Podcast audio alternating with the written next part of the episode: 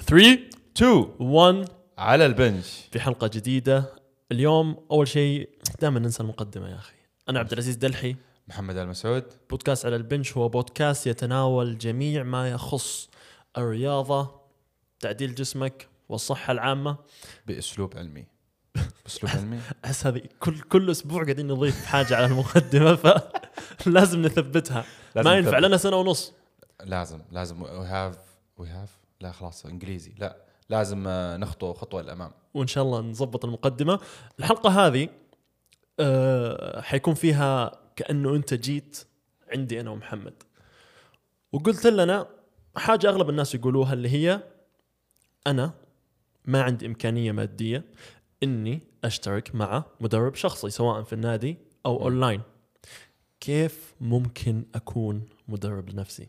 في هذه الحلقة بنمسك كل حاجة بنتكلم عن كل شيء بشكل مختصر. بنعطيك رؤوس الأقلام وأنت عليك إنك تكمل وصدقني يعني إذا أنت بس كذا شغلت بس خلية واحدة من مخك راح تعرف تكمل. فما بالك لو شغل خليتين؟ بتخلص خلايا عنده فهذه الحلقة كأنها كذا package خفيف لطيف. آه، سهل التطبيق للجميع بعيدا عن التفاصيل اللي إحنا بالعادة بندخل فيها بالحلقات وإذا الثانية أحد من أصحابك تو خاش النادي هذه الحلقة بتفيده بإذن الله. طبعا قبل بداية أي حلقة لازم نأخذ أسئلة المتابعين من الحلقة ال- اللي راحت. أول سؤال ما هي أهم النقاط اللي يجب تتوفر عند تصميم الجدول آه، مقاومة متكامل؟ يعني اللي أنا فهمت من سؤاله إنه وش الأشياء اللي لازم تكون في النادي أو وش الأشياء اللي تكون لازم موجودة عندي عشان أسوي جدول تمرين. آه، طبعا ال- ال- السؤال من بيبار اسمه كذا. طيب. بشكل أساسي أنت تقدر تسوي جدول متكامل رياضي للمقاومة بجهاز واحد. عادي. يعني أنت بالدامبلز بس تقدر توصل البعيد بالباربل تقدر تسوي جدول متكامل. هل لازم والله أجهزة متقدمة؟ هل لازم؟ هذه بتعطيك مثل ما تقول رفاهية أكثر. بس هل معناتها انها بتجيب لك يعني ما, ما تقدر تجيب نتائج إلا بها؟ لا. يعني أنا شفت ناس كثير على على اليوتيوب على تيك توك كانوا يتمرنون فقط ب bar و dumbbell ووصلوا أشياء مرة بعيدة. يعني أنت بالبار تقدر تتمرن كل حاجة بال dumbbells تقدر تتمرن كل حاجة. أهم نقطة إنه يكون عندك شيء تقدر تمرن فيه كل جسمك وفي نفس الوقت تقدر تزيد عليه. يعني تسوي زيادة تدريجية أو تزيد الوزن. إن شاء الله إني أنا فهمت سؤالك صح. إذا لا أكتب تحت في التعليقات نجاوبك مرة ثانية. طيب ال- السؤال اللي بعده من SA هل فعلا في دراسات تقول إن ال sprint يزيد معدل التستوستيرون بشكل كبير؟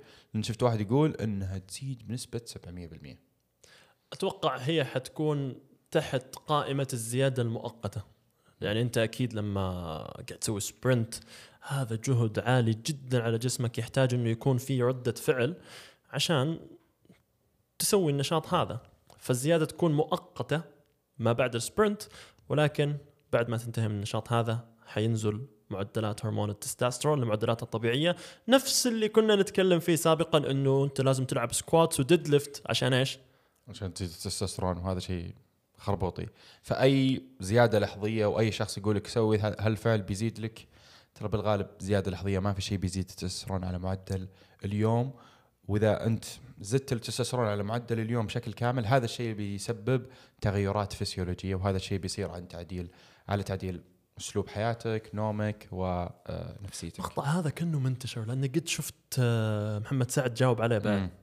منتشر منتشر المعلومة هذه إيه. مرة طيب آه، السؤال الثاني من محمد محمد سؤالي عن الكرياتين نفس ما إحنا نعرف الكرياتين يخزن ماء في العضلات ومن تجربتي الشخصية آه، أنا جسمي ناشف فلذلك لما آخذ الكرياتين ألاحظ ال muscle definition تختفي عندي أو تفاصيل العضلات شوف هي بالنهاية تجربتك الشخصية ففي شيء أنت متخبي عنك.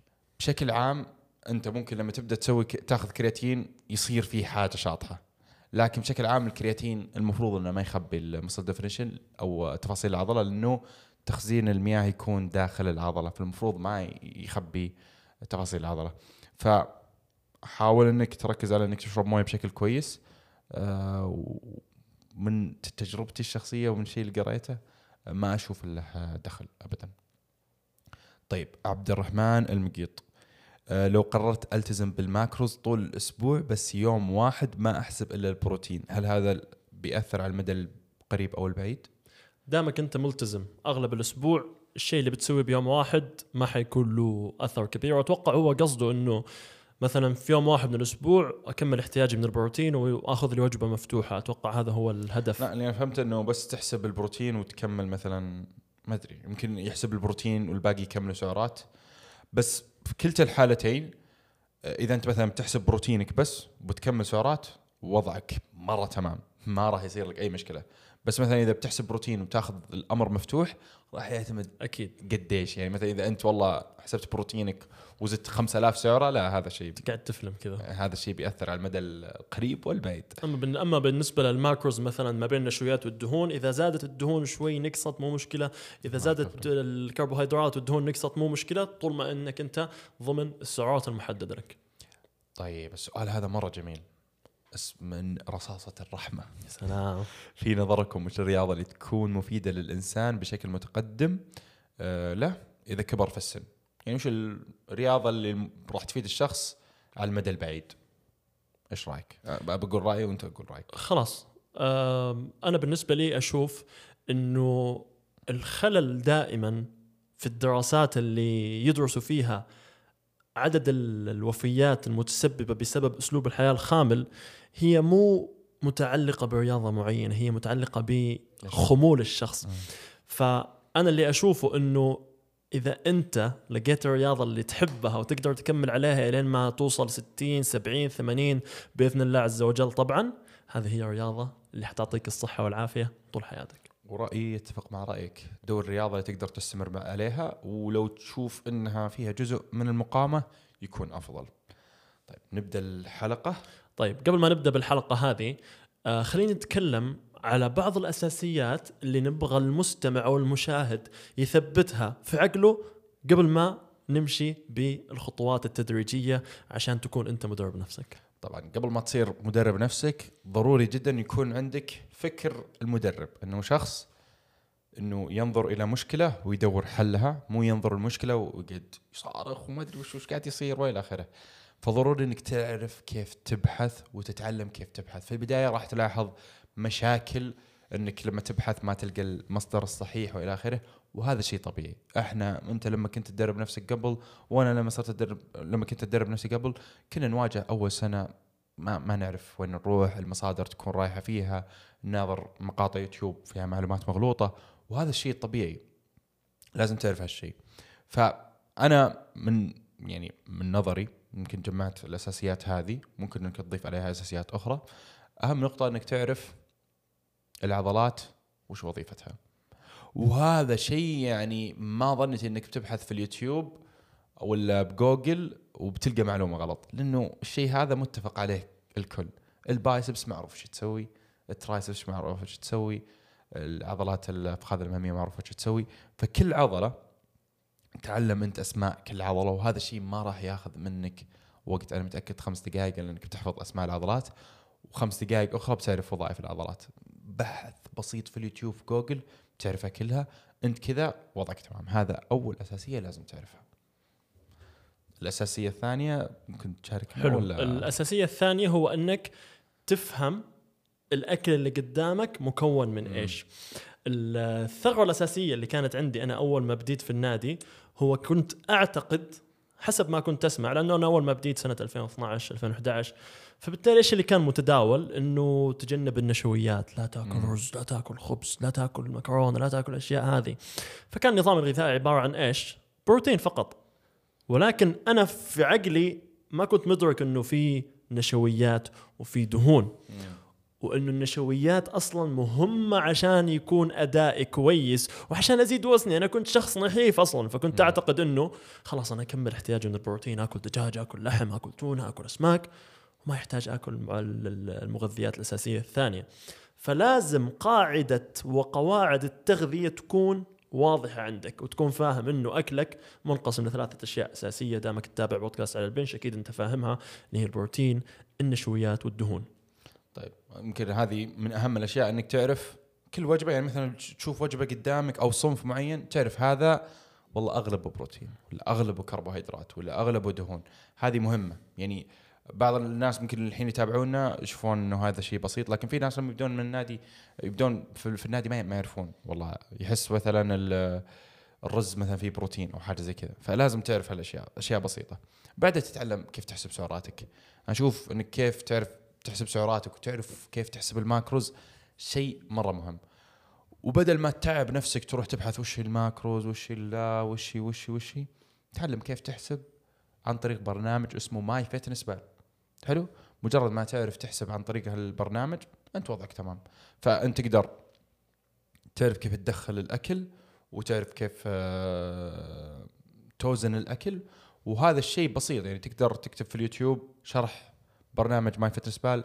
على ما أظن أنت منزل آه، إيه. منزل مقطع عبد العزيز في قناته الشخصية آه، عن كيف تستخدم MyFitnessPal. فتقدر تشوف المقطع هذاك وأنت وضعك وضعك بيصير بسيط. خلاص تعرف لما الأكل قدامك توزنه تضيفه وضعك تمام. ان الحين سكرنا الأساسيات.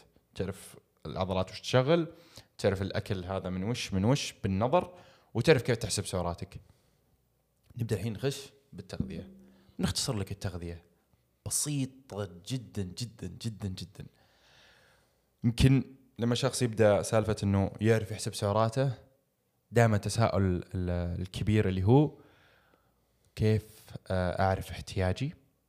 أنا جربت أكثر من موقع وكل موقع يطلع لي كلام مختلف. وهذه المشكلة إنه أغلب الناس تظن إنه ما دام المواقع قاعدة تختلف معناتها في واحد صح وفي واحد غلط. مم. لكن كل المواقع هي بس فقط تتوقع إنه هذا احتياجك من السعرات. أنت كل اللي عليك وشو؟ إنك تاخذ التوقع هذا وتجربه. مثلا خلينا نقول إنك حطيت طولك حطيت نشاطك حطيت وزنك وطلع لك مثلا 2000 سعرة حرارية. إنه هذه سعرات المحافظة. خلينا نقول أنت كشخص والله تبغى تضخم أو اللي بمعنى إنه تزيد وزن جسمك وتزيد اللي هو الكتلة العضلية. جيت أنت أك... 2000 سعرة هذه سعرات المحافظة حقتك اللي المفروض إيش؟ تخلي وزنك ثابت. رحت أنت أكلت فوقها. إذا أنت تبغى تزيد وزن الطبيعي إنك بتاكل فوقها. خلينا نقول إنك زدت 200 300 سعرة. أكلت مثلا 2300 2400 بديت تاكل هل السعرات بشكل أساسي لما أنت تاخذ سعرات معينة المفروض إنك تلتزم عليها أسبوعين قبل ما تقرر إذا هي سعرات مناسبة ولا لا. مشيت عليها أسبوعين. وزنك مو قاعد يزيد. معناتها السعرات هذه اللي أنت حسبتها من الموقع ما كانت هي سعرات المحافظة. وهنا وزنك ما كان يزيد. وزنك ثابت. معناتها السعرات اللي انت تاكلها بالوقت الحالي هي سعرات المحافظة. فتبدأ تزيد عليها. أوكي؟ طبعا كيف تعرف إن وزنك زاد ولا لا؟ أنت ما تروح تقيس في يوم وتروح تقيس في يوم ثاني. لا أنت تجي تقيس بشكل يومي عشان تاخذ أدق شيء إنك تقيس بشكل يومي.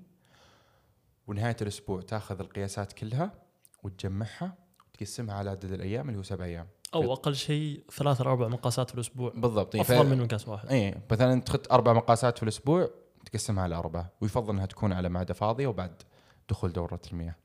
فكذا يكون تقدر تقارن. مثلا اخذت أربع قياسات تقسم على أربعة. تأخذ المتوسط وتقارن بين الأسبوع الأول والأسبوع الثاني وتشوف والله أنت قاعد تزيد قاعد تنقص. وزنك ثابت هذه سعرات المحافظه تبغى تسمن زيد عليها. 2400 خلينا نحط مثلا نزيد 200 300 سعره أوكي بديت تزيد وضعك تمام هذه سعرات فوق المحافظة وقاعد أنت تخدم هدفك. هذه بكل بساطة ونفس ال- العكس يطبق لنزول الوزن. بالضبط اي وال- والعكس يطبق على سالفة ال- نزول الوزن. أنت بتنقص وزنك مو قاعد ينقص هذه معناتها سعرات ما هي أقل من سعرات المحافظة حقتك وإلى آخره. وتبدأ تجرب. طبعا أنت اللي قاعد تقوله جدا جميل. ليش؟ لأنه خلاص المستمع الحين قاعد يتعلم إنه خلاص أنا لازم أجرب سعرات معينة إذا صار كذا أسوي كذا إذا ما صار كذا أسوي كذا. وهذا اللي بيسويه معاك المدرب. أكيد المدرب بيختصر عليك أشياء ثانية ولكن حتى المدرب لازم يجرب معاك. لازم يجرب. يعني أنا لما يجيني متدرب أول أسبوع أعطيه سعرات تقريبية. بعدين أشوف أثرها على شكل جسمه على متوسط وزنه أول أسبوع ثاني أسبوع. بعدين أبدأ أضيف التعديلات على حسب اللي قاعد أشوفه. فأنت كمان لازم تسوي نفس الحاجة. حيجيني الآن الشخص يقول لي مثلا خلاص أنا حسبت ال- السعرات المناسبة لي كيف أقسم الوجبات؟ أكل وجبتين وسناك ثلاثة وجبات وسناك. طبعا هذه المسميات اللي منتشرة عند أي شخص تو بادئ بالنادي. كيف أقسم وجباتي؟ هل أضيف سناك؟ ما أضيف سناك. آه، راح يكون شيء تفضيلي من ناحية تقسيم الوجبات راح يكون شيء تفضيلي بشكل كبير. لكن بشكل أساسي لما نتكلم عن الأفضل إنك تقسم وجباتك أو سعراتك الجماليه على ثلاث فترات إلى خمس فترات. هذا لا يعني الخمس فترات أفضل من ثلاث فترات. الفرق بينهم بسيط. أنت تشوف الشيء اللي يناسب حياتك. مثلا خلينا نقول أنت جربت ثلاث فترات تحس والله إنه الفترات بينهم قروشة وتحس بجوع. ممكن إنك تاخذ سعرات من الوجبات الأساسية وتحطها كسناكات. فهي بالنهاية تعتبر تفضيل. السناك لا ليس أساسي وإنك تاكل أربع وجبات ولا خمس وجبات ما هو شيء أساسي. فهي بالنهاية تعتبر تفضيل. الشيء الثاني اللي لازم الحين بيجي الشخص يقول طيب أوكي أنا عرفت سعراتي جربت سعراتي طيب السعرات هذه كيف أقسمها؟ يمكن ذكرنا هالشيء بحلقات أخرى فصلنا فيها مثلا في حلقة المرونة لكن بعطيكم بشكل بسيط. إذا أنت بس تبغى تشوف الحلقة هذه. مثل ما قلنا أنت شوف كيف تحسب MyFitnessPal وراح يبسط عليك كل حاجة. أقل حاجة نتكلم أول شيء عن الدهون. الدهون على الأقل 20% من مجمل سعراتك. ما تقل عن 20% من مجمل سعراتك. إلى 25 إلى 25 الإناث ما تقل عن 30% طبعا هل معناتها إنه ما أزيد عن 20% لا الدهون مفتوحة عندك. عادي تقدر تزيد تخلي 50% من سعراتك دهون عادي. هذا بالنهاية تفضيل. بس ما كيتو بيزعل علينا. عادي. ما في إشكالية. إذا تبغى كيتو كيتو. بس إنه أهم حاجة ما تنقص تحت 20% للذكور والإناث ما تنزل عن 30% طيب نجي على البروتين. البروتين أنت يعني الكلام فيه ضجة. آه اللي يقول 1.2 1.6 بس بشكل عام من 1.6 إلى 1.8 1.6 تضربها بوزن جسمك ويطلع لك إيش؟ وزن جسمك في الكيلو يطلع لك اللي هو كمية البروتين اللي أنت تاكلها. طبعا تطلع لك بالجرامات. بعدين الجرامات هذه تحولها إلى سعرات. طبعا إذا أنت بات آه، اللي هو حلقة MyFitnessPal راح تعرف كيف تحولها لسعرات. الدهون كل جرام يساوي تسع سعرات البروتين كل جرام يساوي أربع سعرات والكربوهيدرات كل جرام يساوي أربع سعرات. طبعا أنت خلينا نقول الدهون أنت وزع آه اخترت من 1.6 ل 1.8 هل معناتها 1.8 أفضل من 1.6 لا أنت شوف اللي يناسبك. تقدر ترتفع حتى إلى 2.2 إذا أنت تحب البروتين أكثر. ما في أي إشكال. ننتقل للكربوهيدرات. بكل بساطة أنت عندك الدهون وزعتها. أنت مثلا قلت والله بيصير كيتو. خليتها 50% 70% 80 اللي يريحك. واخذت كمية البروتين حقتك. بقية السعرات توزعها على الكربوهيدرات. بس. يا عيني. ما في أي ما, ما في نظام اللي حسبه للكربوهيدرات هي المتبقي. دائما يجيني السؤال هذا أي كيف أحسب النشويات؟ اي أنت بس المتبقي من سعراتك بعد ما توزعها الدهون والبروتين اللي هو طبعا في مدارس تغذيه ثانية يحسب الكربوهيدرات على حسب وزن الجسم. الجسم. ولكن أنا اللي أشوف الطريقة الأفضل هو أنك توزع الدهون تطلع احتياجك من البروتين. طبعا ليش احتياج الدهون نعطيه أولوية؟ لأنه في عندك حد معين من الدهون لازم تدخلها على جسمك عشان تحافظ على آه، وظائف الهرمونات الهرمونات والجسم. مهمة جدا ما تنقص عنها. بعدين تطلع البروتين لأنه هو العنصر الوحيد الأساسي البناء للاستشفاء. ولا المحافظه وللبناء للكتله العضلية. تقريبا يمكن يمكن لخصنا التغذية بشكل مرة بسيط. إحنا الحلقة هذه نبغى نعطيك رؤوس الأقلام. ما نبغى نخش في التفاصيل إنه إذا خشينا التفاصيل بتصير الحلقة مدتها ثلاث ساعات. تفاصيل في حلقات ثانية. اي في التفاصيل سالفة التغذية تقدر تروح لحلقة المرونة إذا تبغى تتفصل فيها أكثر. لكن هذا الشيء أنت تقدر تبدأ فيه. وإذا عندك أي سؤال عن أي نقطة قلناها ممكن نفصله بحلقة كاملة مستقبلا. لكن زي ما قال محمد نبغى نخلي هذه الحلقة ملمومة. طيب الآن ودي نتكلم بحاجة بشكل مبسط اللي هو كيف أختار الأكلات اللي أنا أبغى أكلها؟ هل حيصنع معي اختلاف كبير إذا أكلت مثلا آه، مصادر نشويات من المكرونة أو من الرز أو من البطاطس؟ بالنهاية كنتيجة خسارة دهون أو زيادة وزن ما راح يفرق كثير إذا هي تحت قائمة السعرات حقتك وتحت الماكروز اللي هي دهون وكربوهيدرات وبروتين. ما راح تفرق. لكن بشكل عام حاول إنه أكلك يكون متنوع آه، وفي نفس الوقت يكون دخل آه، حصة من الفواكه وحصة من الخضار آه، حصة إلى حصتين من الخضار في اليوم وإن شاء الله وضعك تمام. لكن بشكل عام الأمور هذه تقدر تتفصل فيها بشكل كبير. يعني أنت عندك احتياج من الألياف لازم أنت تدخل ألياف كل وجبة. عندك مثلا احتياج من الفيتامينات والمعادن هذه الأشياء لازم أنت تنوع فيها. لكن بشكل أساسي. لا تحل مشكلة ما هي موجودة. يعني أنت إذا ما عندك نقص فيتامينات معناته إن أكلك وضعك تم... وضع وضعه تمام. إذا والله أنت لاحظت إن عندك خمول ورحت سويت فحص عندك نقص فيتامينات معينة معناته في مشكلة في آه، نظامك الغذائي فلازم إنك تعدلها. فالامور هذه لا تعقد على نفسك. إذا أنت ما تواجه مشكلة لا تعقد على نفسك. يعني أنا نفسي خلاص أنا عارف إنه والله عندي نقص فيتامين د مهما سويت بنظام الغذائي وأسلوب غذائي يخليني يكون عندي نقص في هالأشياء فاضطر والله إني أسوي أخذ لي مكمل غذائي له مكمل بجرعات محافظة أو حاجة زي كذا. ما تتشمس شكلك. ما أتشمس ما أطلع الشمس. متنتن من الله. متنتن من الله. طيب آه، نخش على التمرين. آه كيف الواحد يسوي له جدول؟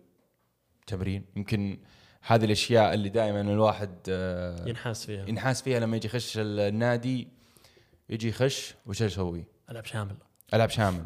هل ألعب cardio 10 أيام وإلى آخره. خلينا نبدأ. أنت إنسان توك داخل للنادي.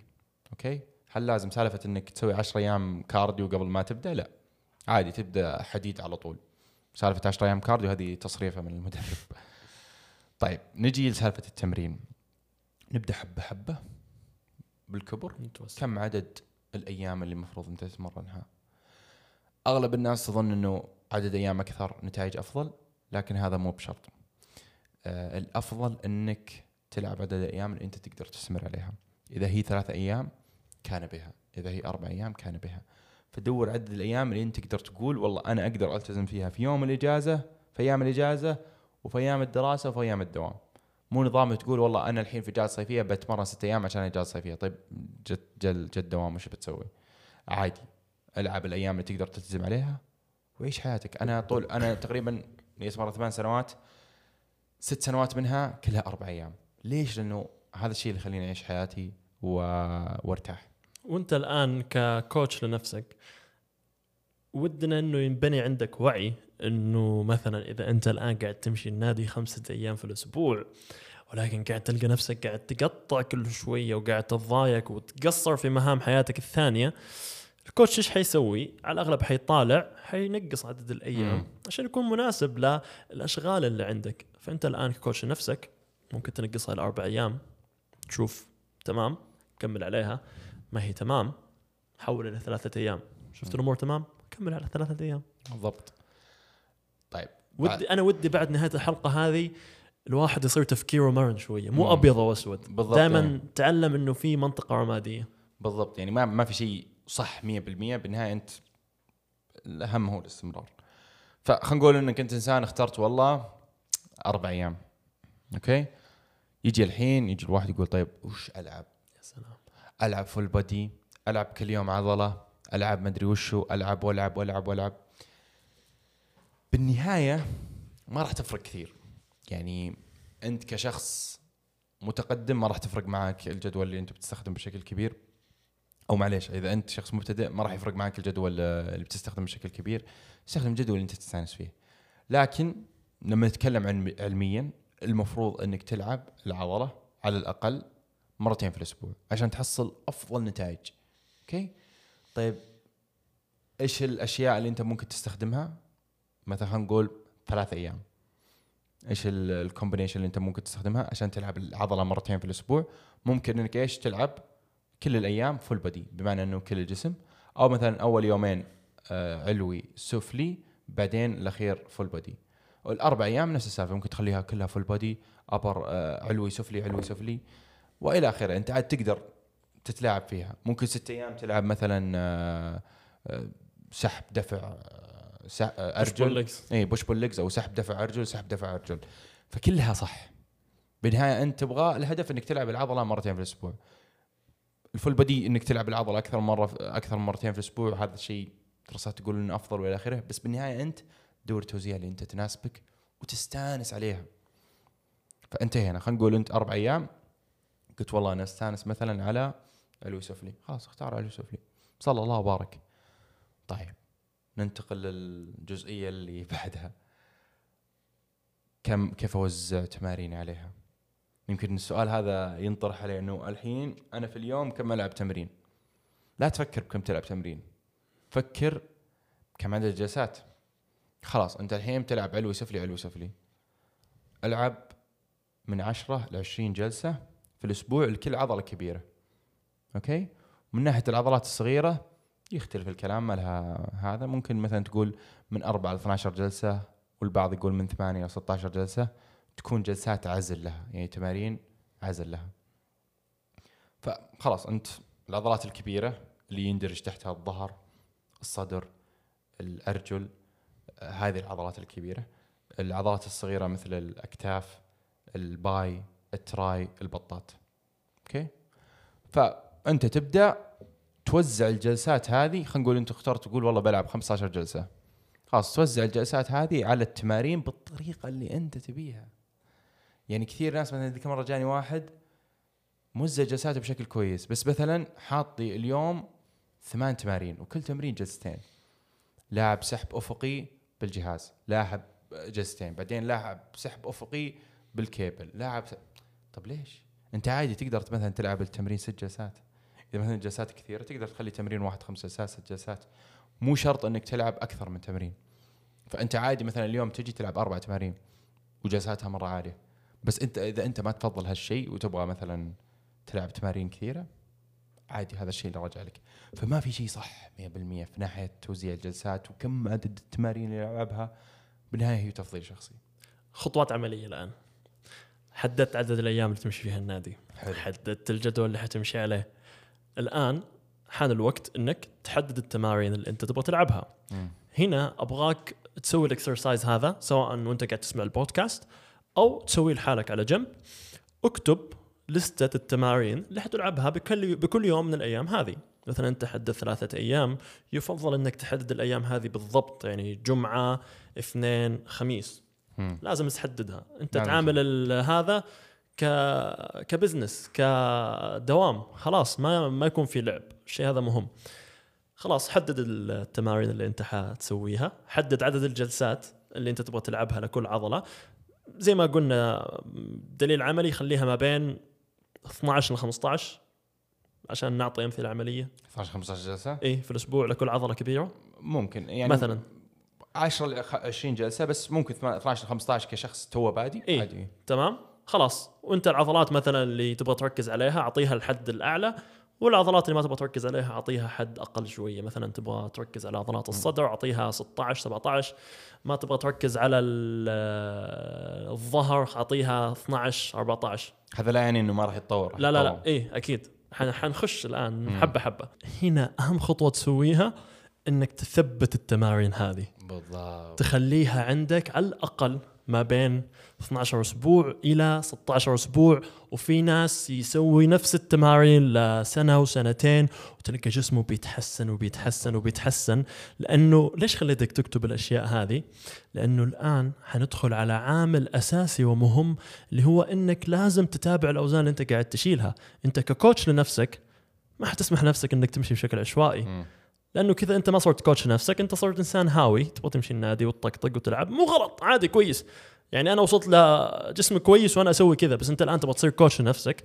حتكتب التمارين هذه وحتقسمها بجدول مناسب لك سواء بال notes يا ما ناس أشوفهم يسجلوا أوزانهم بال notes الأسبوع الأول يكتب الأسبوع الثاني بعدين تسوي copy paste مم. هذا الأسبوع الأول الأوزان مكتوبة copy paste امسح الأوزان كمل تمام؟ أو سوي Excel sheet فبالتالي أنت تتابع الأوزان اللي قاعد تشيلها أول بأول. في شخص أشخاص يجي يقول لك لا أنا بحط الوزن وحتذكره الأسبوع الجاي. افلقني. ما راح تتذكر. افلقني. أنا لو أقول لك إيش أنا لو أقول لك إيش متغدي ناسي الحين. إيش غير غير متغدي كذا حتى لو يعني حلوة. أصلا أنت لما تيجي تقول والله أنا الأسبوع اللي راح لعبت الوزن الفلاني 30 كيلو العدات الفلانية تتحمس إنك أوه بسوي. أه بسوي أفضل منها. أوكي ممكن تتذكر ال- الوزن بس مستحيل تتذكر العدات. يبي تتذكر الوزن تتذكر است- استحالة. وكمية الت- التمارين الموجودة. مستحيل تتذكر. وأيضا في ملاحظة مهمة يمكن ما قلناها بالسابق في البودكاست اللي هي مو بس تسجل أوزانك وعداتك اكتب ملاحظات. مم. كيف حسيت اليوم؟ حسيت بألم بالكوع؟ يمكن في عندك مشكلة في التكنيك. مم. يمكن تبدأ تحتاج تبدأ تاخذ فيديوهات لنفسك. أنت coach نفسك خلاص. تمام. لازم تصور نفسك الفيديوهات وتقارن من أسبوع للثاني.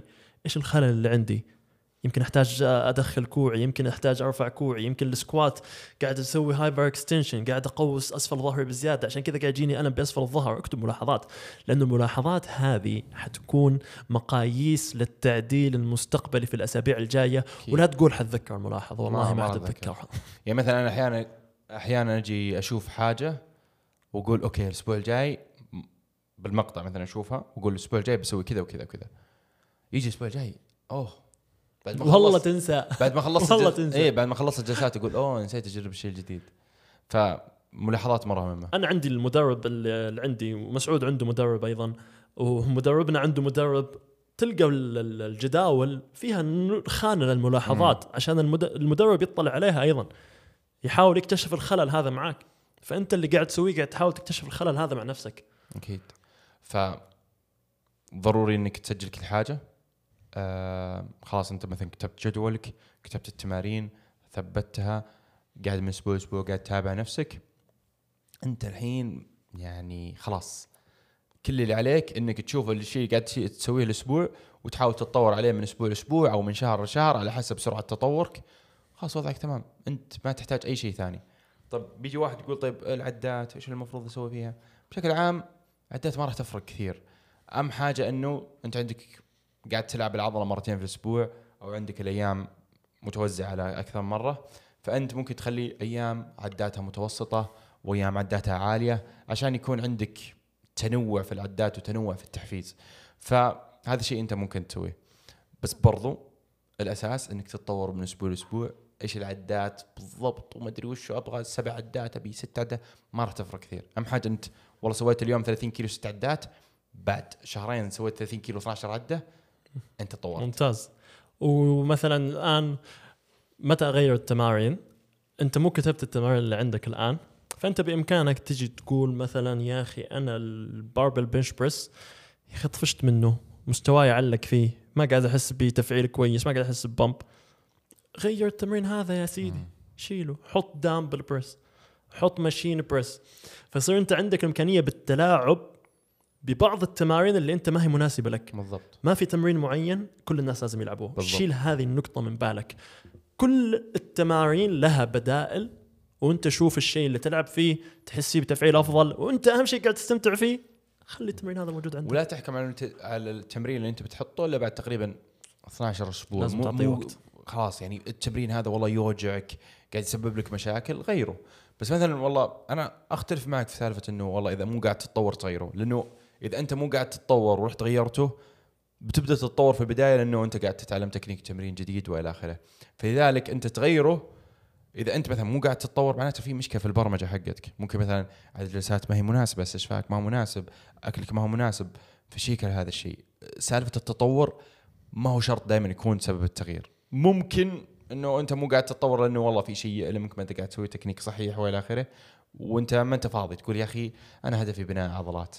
ماني فاضي أتعلم تكنيك التمرين صح. الصعب خلاص غيره يعني قررت. تبعي إنه لو مثلا له مدة طويلة 18 أسبوع بعدها بدأ يوقف التطور لمدة طويلة أحد الخيارات اللي عندك إنك تضيف تمرين جديد فيصير عندك ال novelty مم. إنه شيء جديد وتحس فيه بشكل أفضل للاستمتاع الشخصي ولكن زي ما قال محمد أيضا ممكن في عندك خلل بالتكنيك بالبرمجة ولكن إذا أنت حاب تشيله من أساسه لأنك ما قاعد تحس بالتقدم تبعك. غير كذا مثلا وقف الحماس مع التمرين هذا. ممكن- إيه، ممكن برضو، ممكن وقف الحماس. طيب النقطة اللي بعدها اللي أشوفها من اهم من أهم الأشياء مدة راحة بين الجلسات؟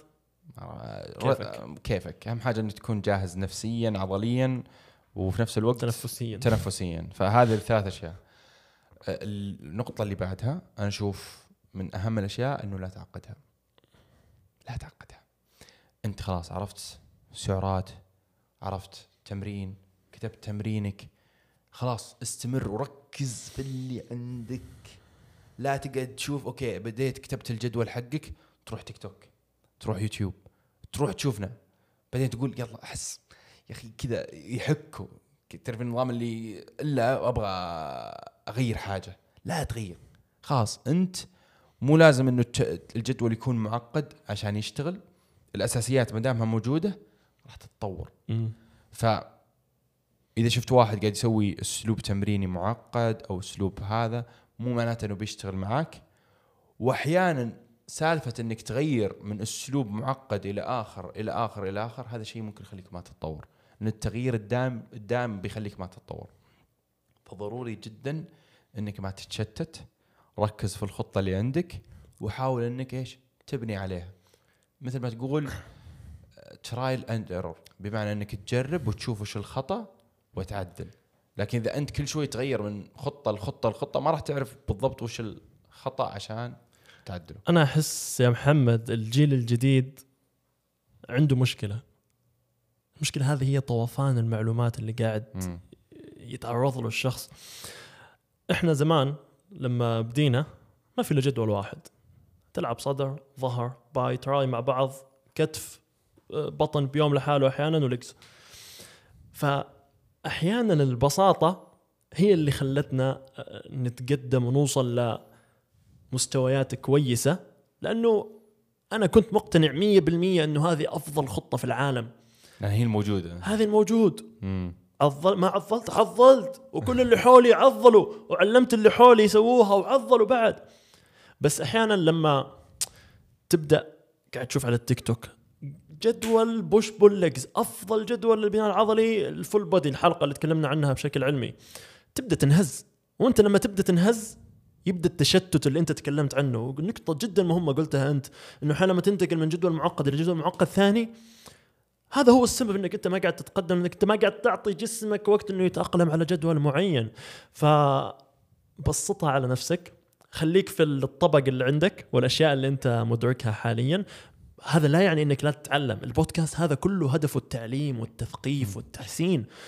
ولكن أنا آخر فترة بديت أحس إنه كثرة المعلومات هذه هي السبب إنه الجيل الجديد هذا ما قاعد يوصل لنفس الأجسام والمستويات اللي كنت أشوفها سابقا.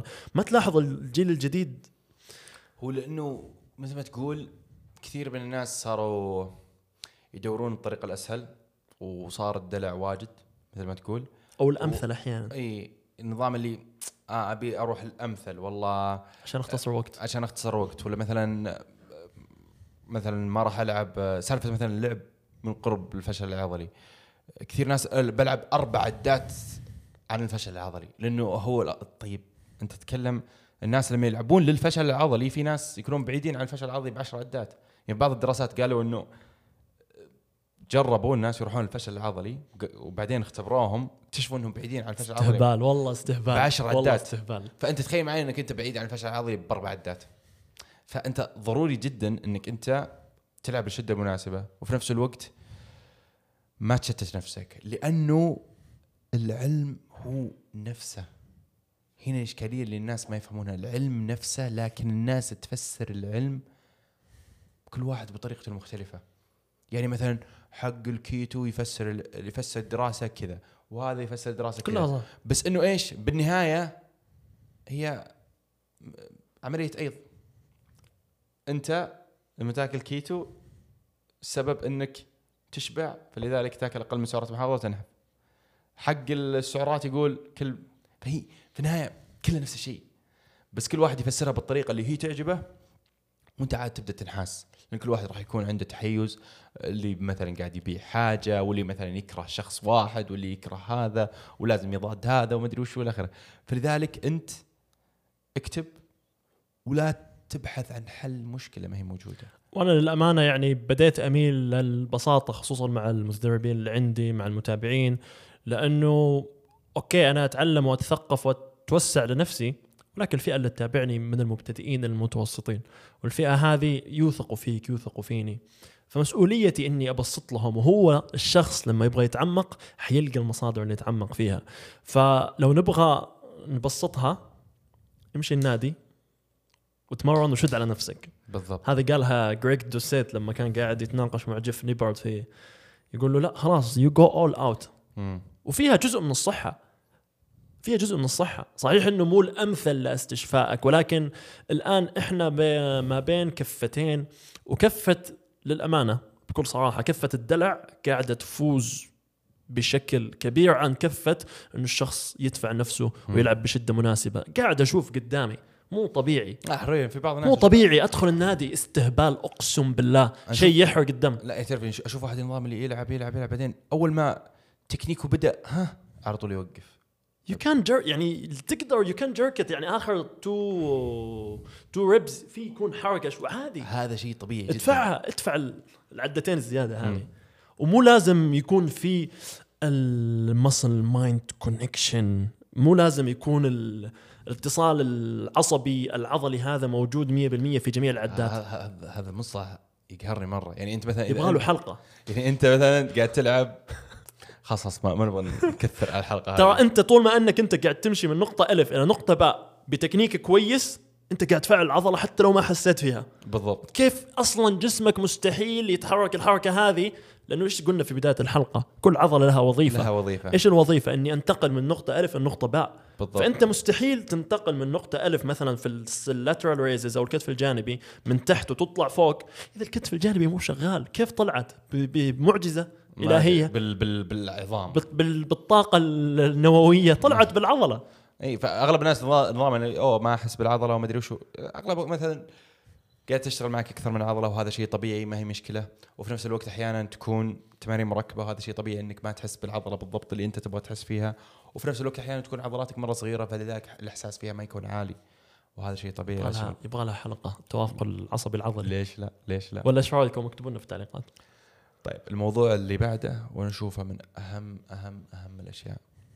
الاستمراريه مهما كانت خطتك جبارة ومهما أنت كنت إنسان صارم على نفسك إذا أنت ما سويت خطة تقدر تستمر عليها وما سويت نظام غذائي تقدر تستمر عليه ما يهم. أنت والله شهر سويت خطة وكنت صارم فيها وقاعد تمشي فيها بالحرف وقاعد تمشي فيها بالتغذية بالجرام.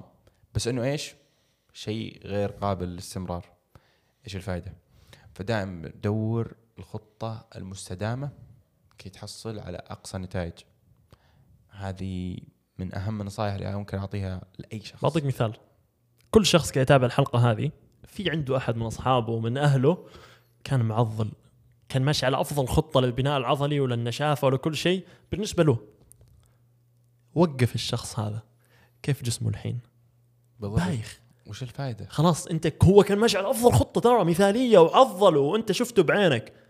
بس وقف. والله عمل والله مشغول والله إن شاء الله إن شاء الله نعود مستقبلا. ما استفاد ولا شيء.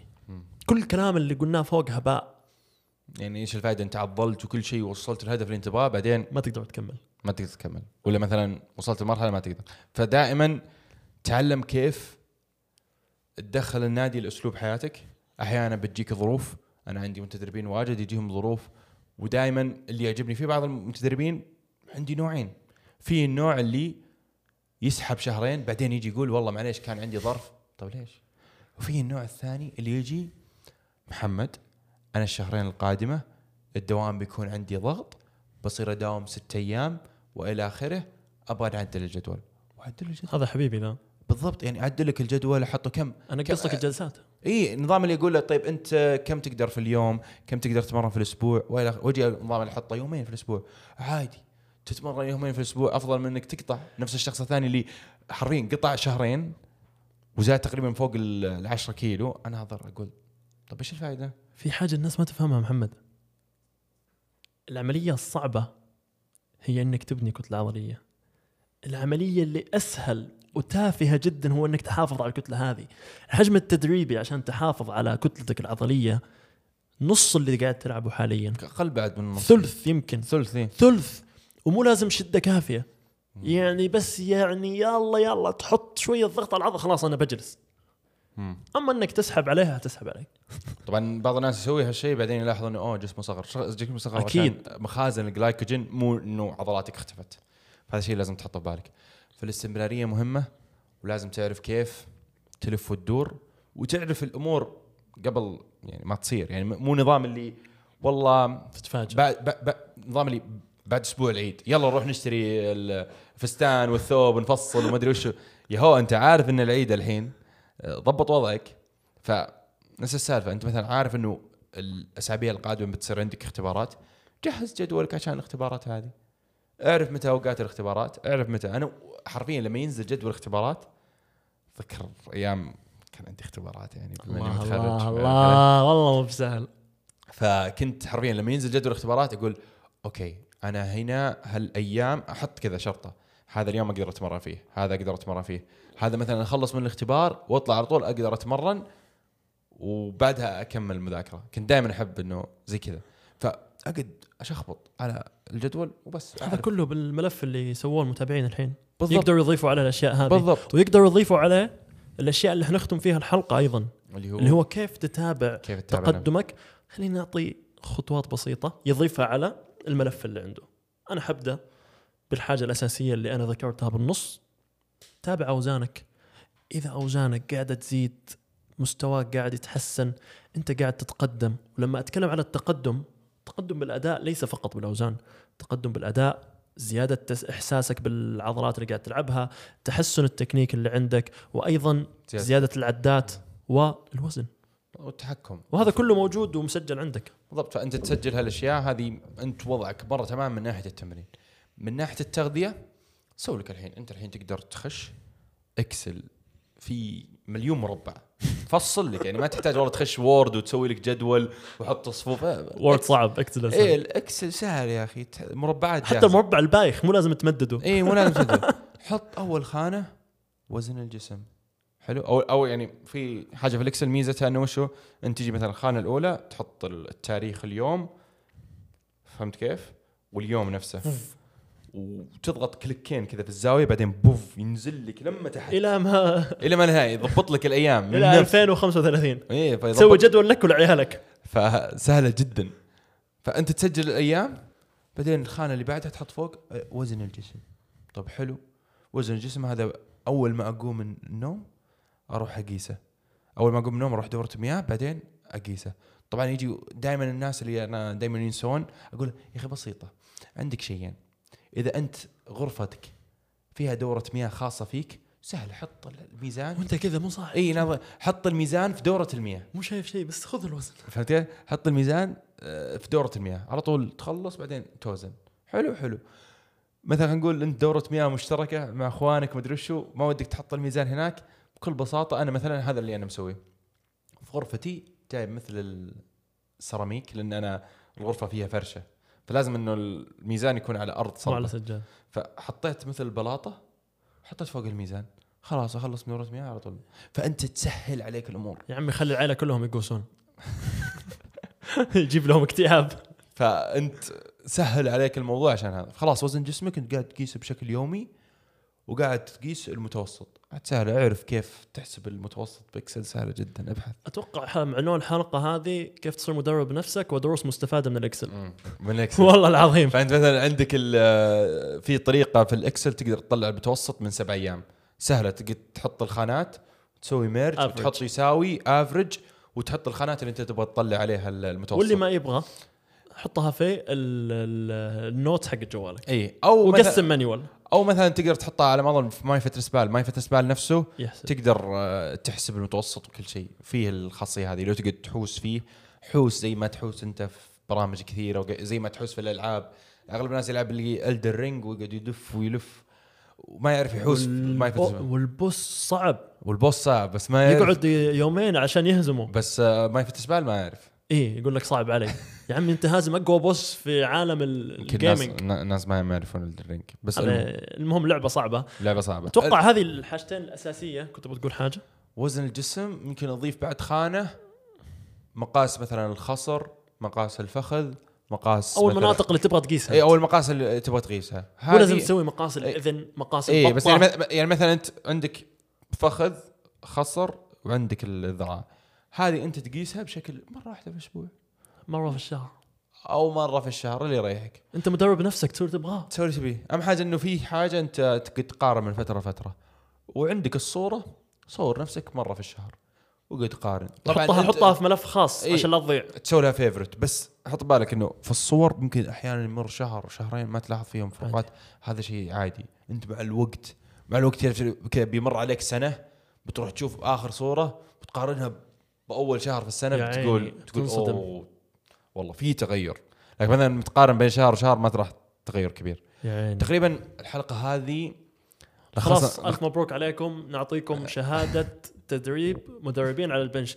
بس أبغى أسأل سؤال آه، بيننا وبين المتابعين. أكيد اللي وصل هنا يعني مهتم آه، بالموضوع مهتم بالبودكاست.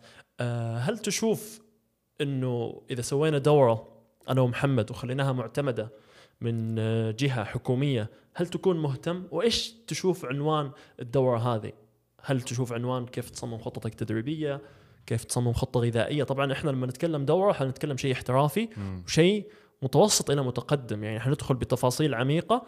فاكتب لنا بالتعليقات إذا أنت مهتم بهذا الشيء ولا لا. وإذا عندك أفكار ثانية لدورات ثانية إحنا مهتمين نسمع منك. لأنه حابين إنه نقدم لكم آه زيادة خصوصا انه ملاحظين إنه في كمية عالية منكم مهتمين بمواضيع عميقة جدا وبتفاصيل عميقة ما يمكن إنه نتكلم عنها بالبودكاست خصوصا للناس اللي قاعد تستمع. ما بالنهاية ما تبغى تعقد الناس. إيه فإذا أنت مهتم بالأشياء هذه اكتب لنا بالتعليقات لأنه قاعدين نشتغل على حاجة زي كذا وحابين نسمع منك أيضا إذا أنت مهتم. وأكيد إضافتك آه حتساعدنا إنه نلقى الشيء اللي أنت فعلا تبغى تتعلمه تبغى تشوفه. كان هذا ال Bench. نشوفكم الحلقة الجاية. peace out